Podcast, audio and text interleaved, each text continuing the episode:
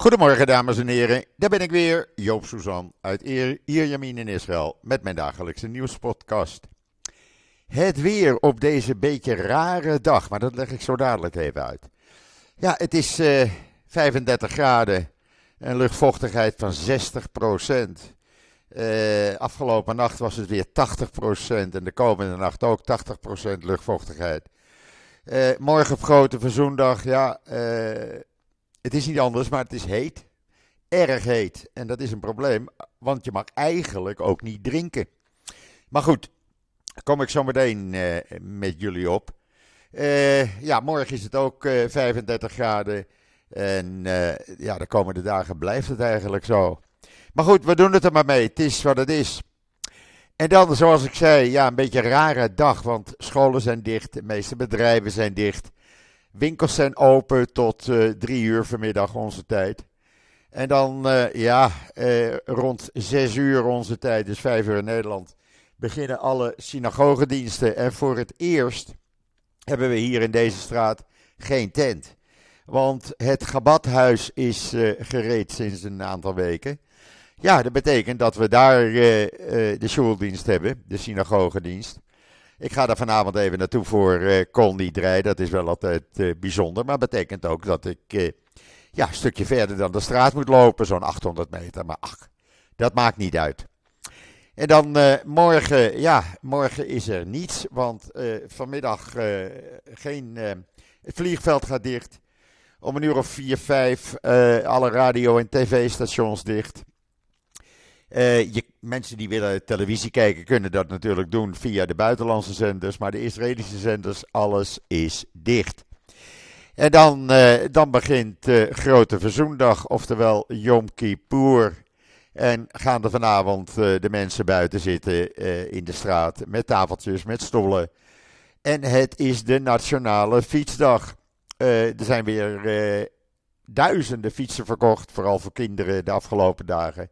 En morgen wordt er overal gefietst in het land, op de snelwegen. Mensen maken grote fietstochten die niet naar de synagoge gaan. En uh, ja, zo brengt men de uh, Yom Kippur uh, door. Iedereen op zijn of haar eigen manier. Wil je de hele dag naar school, dan ga je de hele dag naar de synagoge. Hier is er wel pauze. Zo rond een uur of één, half twee stoppen ze morgen. En dan om half vier, vier uur begint het weer. Uh, vanavond, ja, je eet eigenlijk om half vijf, vijf uur uiterlijk. En voordat je weer gaat eten, is het morgenavond na zevenen. Dus het is geen 24 uur vasten, maar echt minimaal 26 uur vasten. Ik heb uh, op social media de gids gezet voor uh, Grote Verzoendag. Wat je wel mag en wat je vooral niet mag. nou ja, je mag bijna niks. Je mag ook geen leer dragen, bijvoorbeeld. Dus mensen dragen geen pies onder de mooie schoenen. Of onder de mooie kleding. Uh, en mensen die heel orthodox zijn, ja, je mag niks dragen. Uh, je mag je handen niet wassen. Je mag je uh, tanden niet poetsen. Nou ja, als je dat wil doen, dan doe je dat. En wil je dat niet doen, dan doe je dat niet. Maar die gids kunnen jullie op social media vinden. Facebook, LinkedIn en op Twitter heb ik hem gezet. En dan het nieuws. Ja, eh, IDF en Shin Bet hebben een operationeel commandocentrum uh, ontmanteld. Daar was ook een lading explosieven uh, te vinden. De films, de video's en de foto's kan je zien op israelnieuws.nl. En dan hebben we natuurlijk ook op, op israelnieuws.nl de volledige toespraak staan van premier Netanyahu in de Verenigde Naties en de video. Maar dan weet je wat hij in het Engels zegt als je de Engelse taal niet machtig bent. Uh, letterlijk, de hele toespraak staat erin. Natuurlijk draaide die toespraak over uh, uh, Iran. zoals hij elk jaar doet. Ik moet wel zeggen, Netanyahu in de Verenigde Naties is natuurlijk in zijn element. En daar is hij geweldig in. Uh, en hij heeft het gehad over de mogelijke uh, diplomatieke betrekkingen, normale betrekkingen met uh, Saudi-Arabië. En heel veel over artificial intelligence. En wat opviel, geen woord over de situatie in Israël. Dat is het rare. Tijdens die toespraak, hij zelf ja, vond het fantastisch zoals de hele Verenigde Naties applaudisseerden. Maar er zaten maar een paar mensen in de hal. De mensen die applaudisseren, dat waren zijn medewerkers en zijn familie en vrienden die op de publieke tribune zaten. Saudi-Arabië had één persoon achtergelaten die bij de toespraak aanwezig zijn, was. Het opvallende was dat uh, Netanyahu veel beloofde. Maar ja, daar heeft hij toch een probleem mee. Want uh, en Smotrich, die hebben duidelijk gezegd van geen concessies richting Saudi-Arabië. Met andere woorden, uh, Saudi-Arabië uh, ja, die wil gewoon dat er uh, concessies richting Palestijnen wordt gedaan om een Palestijnse staat te vormen. En dat willen Smotrich en Ben niet.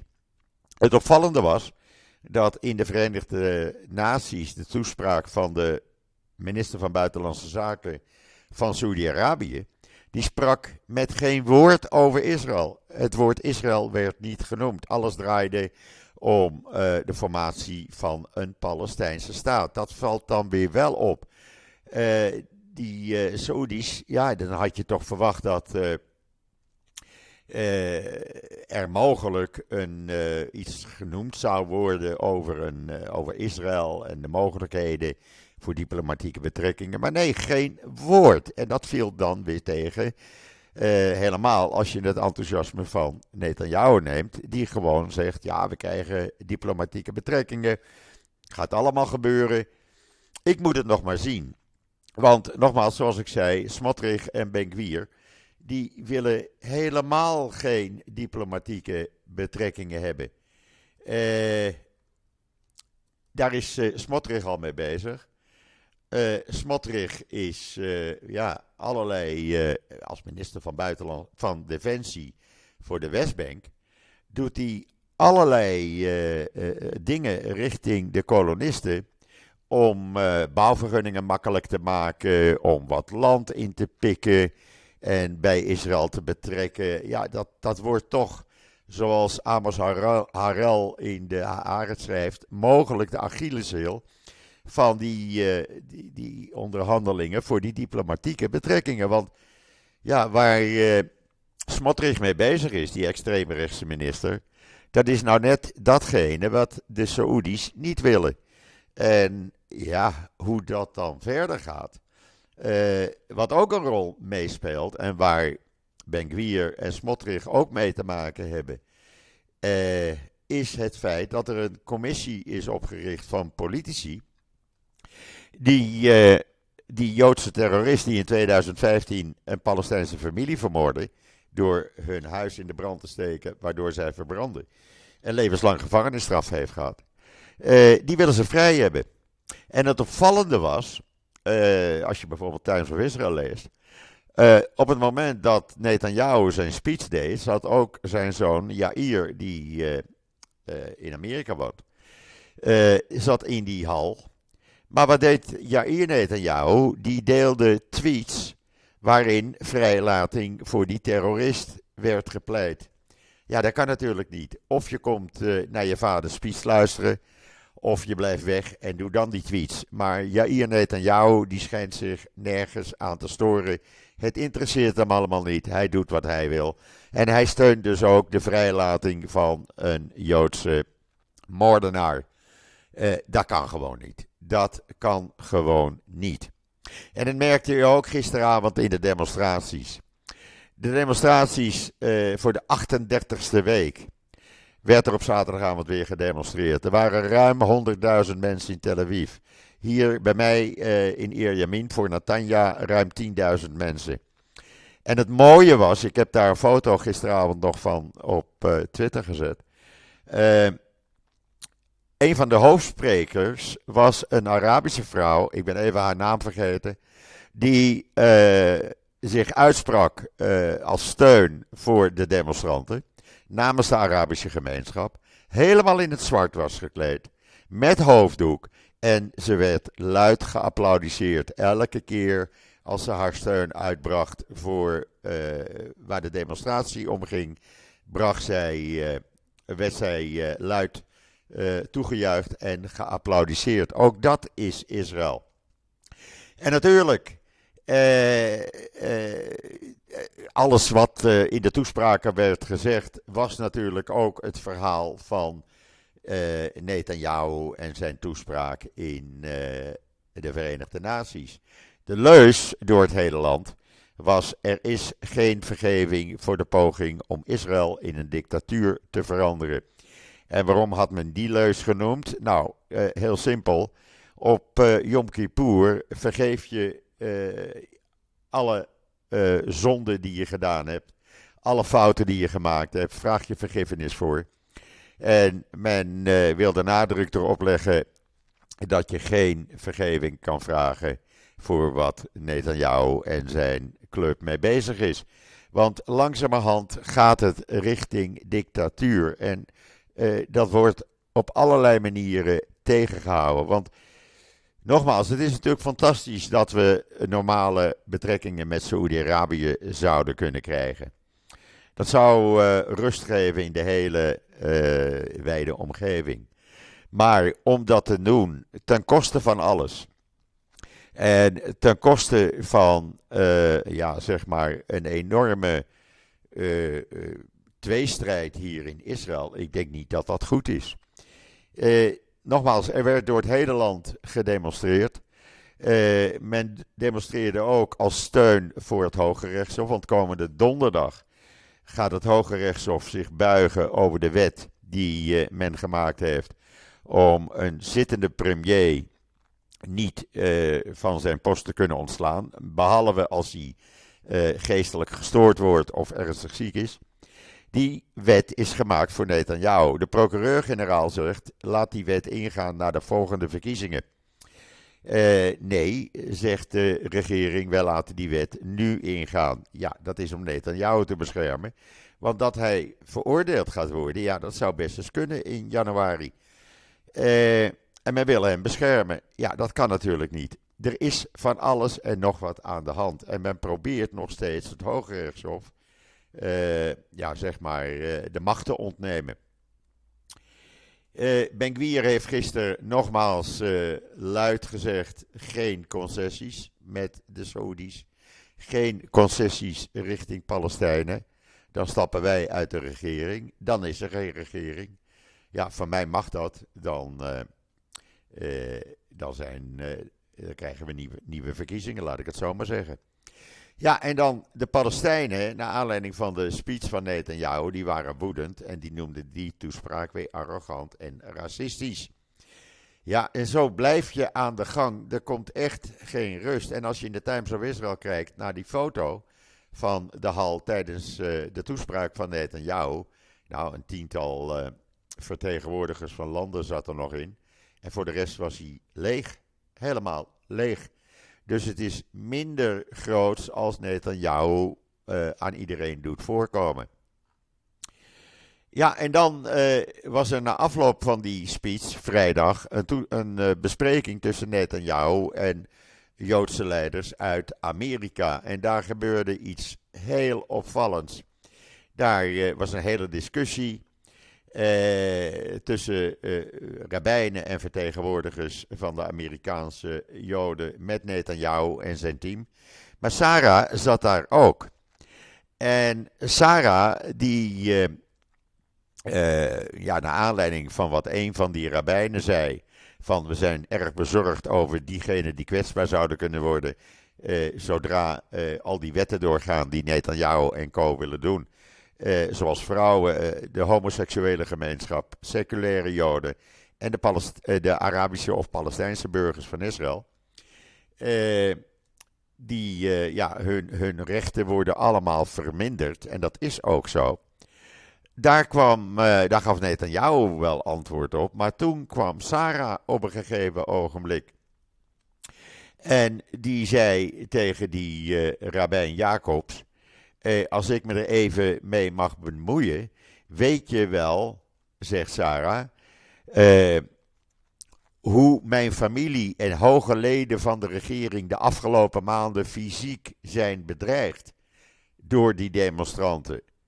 Nou, dat begrijp ik dus niet, want er is geen enkele fysieke bedreiging naar wie dan ook geweest. En eh, dan kan ze dat wel zeggen, maar trouwens, wie is zij om namens de regering, namens het volk te spreken? Ook dat deugt niet. Maar ze staat daar gewoon een potje te liegen, want er is geen enkele fysieke bedreiging geweest. Echt niet. Als er een fysieke bedreiging is, dan is dat richting uh, de demonstranten toe. Want wij hebben een aantal keren hier in Ierjemien meegemaakt dat uh, vertegenwoordigers van de rechtse uh, partijen probeerden vuurwerk naar ons te gooien, waarbij de politie, gewapende politie, tussen de beiden moest komen ons uh, probeerde aan te vallen, wat tegengehouden werd door de politie. Van de kant van de demonstranten wordt geen enkele fysieke bedreiging gedaan. En ik vind dat onterecht dat ze dat zegt. En dat had ze niet moeten doen. En dan even wat anders. Het zou mogelijk kunnen zijn dat Amerika deze week de toestemming geeft dat Israël in het visa waiver programma van Amerika wordt opgenomen, zodat er geen visum meer nodig is om Amerika te bezoeken. Misschien, die kans wordt wel steeds groter, maar ja, zolang het nog niet uh, gedaan is, dan, uh, dan gebeurt het uh, nog niet natuurlijk. Maar men verwacht dat dat in de loop van deze week die toestemming er komt. Alhoewel het is een korte week, want we hebben maandag natuurlijk niet en vandaag is ook eigenlijk geen dag. En dan Amerika heeft zich openlijk uitgelaten tegen die uh, politici en rechtse uh, Likud-leden die die vrijlating van de Joodse terrorist willen. Zij, zij veroordelen die oproepen. Men heeft namelijk ook gezegd, bijvoorbeeld iemand van de partij van Ben Gwier, mevrouw Harmeler, die heeft gezegd: ja, maar deze Joodse terrorist die heeft een heilige daad uh, gedaan en hij, het is een rechtvaardige man. Dat heeft ze gezegd donderdagavond tijdens een geldinzamelingsevenement. Uh, Want er is al uh, ruim anderhalf miljoen shekel opgehaald om een rechtszaak te beginnen en deze man vrij te krijgen. Je houdt het toch niet voor mogelijk? En dat Amerika zich daar kwaad over maakt, ja, ik kan me dat begrijpen, want deze man is gewoon een moordenaar. Heel simpel. En daar ga je geen geld voor uh, inzamelen om hem vrij te krijgen onder andere onder allerlei valse uitlatingen. En dan een van de familieleden van die vermoorde Palestijnse familie, en ik ben het daar volledig mee eens, die dringt aan op een einde van deze campagne. Want, zegt hij, dit kan niet. Ze hebben mijn familie vermoord deze man. En die man hoort in de gevangenis te blijven en daar hoor je mee te stoppen om een uh, campagne te starten om die man vrij te krijgen. Dit kan niet. En hij heeft daar volkomen gelijk in. Ja, en dan uh, krijgen jullie in november de Israëlische thriller uh, om, die vertaald luidt Vertrouw niemand, trust no one. Die krijgen jullie in november te zien op Netflix, want Netflix heeft hem aangekocht. De zoveelste Amerikaanse of Israëlische serie. En dat schijnt een hele goede thriller te zijn. Hij komt hier ook in november op de televisie. Ik heb hem nog niet gezien. niemand heeft hem gezien. maar die, die serie ja, het schijnt iets bijzonders te zijn. Nou, in dit rijtje van Fauda en de Beauty Queen of, of Jeruzalem. We gaan het afwachten. Joop is daar zeer nieuwsgierig naar. En dan, ja, zoals ik zei, ik heb op uh, uh, social media voor iedereen, dan moet je maar even vertalen via Google of wat dan ook, als je Engels niet machtig bent. De volledige gids voor Yom Kippur, voor Grote Verzoendag. En dat maakt niet uit of je in Israël woont, of in Spanje, of in Amsterdam, of in Lutjebroek. Die wetten gelden voor iedereen. Uh, de tijden waarop het begint staan er ook in. ik denk dat het in, in Nederland zo, in Amsterdam zo rond de 7 uur is. Maar ja, dan kan je dus lezen wat je wel en vooral niet moet en mag doen. Het is de heiligste dag binnen het Joodse geloof. En het mooie in Israël is, en dat vind ik elk jaar weer heel bijzonder. Iedereen, ook mensen die totaal zich nergens aan houden, die seculair, super seculair zijn. Arabieren, christenen, moslims. Niemand gebruikt de auto. Er wordt auto gereden door mensen als het niet anders kan als men naar het ziekenhuis moet. Uh, maar voor de rest zie je mensen lopen, fietsen op straat. Uh, zoals ik in het begin al zei van deze podcast. Het is de Nationale Fietsdag. Het is heel bijzonder. Uh, ik vind het elke keer weer, ja, toch wel een beetje kippenvel. Als je het nog nooit hebt meegemaakt, ik kan het iedereen aanbevelen om eens een keer naar Israël te komen in deze tijd. Want uh, ja, om een heel land 26 uur dicht te zien. Om een heel land 26 uur zonder enig gemotoriseerd verkeer. Waarbij de lucht totaal anders uh, ruikt. Echt waar, geloof me. Uh, je merkt dat er geen verkeer is. Je merkt dat er geen bedrijven zijn. Het is zuivere lucht. Ja, en dan loop je. Het is natuurlijk nu uh, een beetje te heet om lange afstanden te maken, te lopen. En na Yom Kippur, dan begint men dinsdag met het neerzetten van de loofhutten in tuinen en op balkons. Want vrijdagavond begint Sukkot, het loofhuttenfeest. En dat is een nationale vakantietijd. Daar gaan veel mensen op vakantie.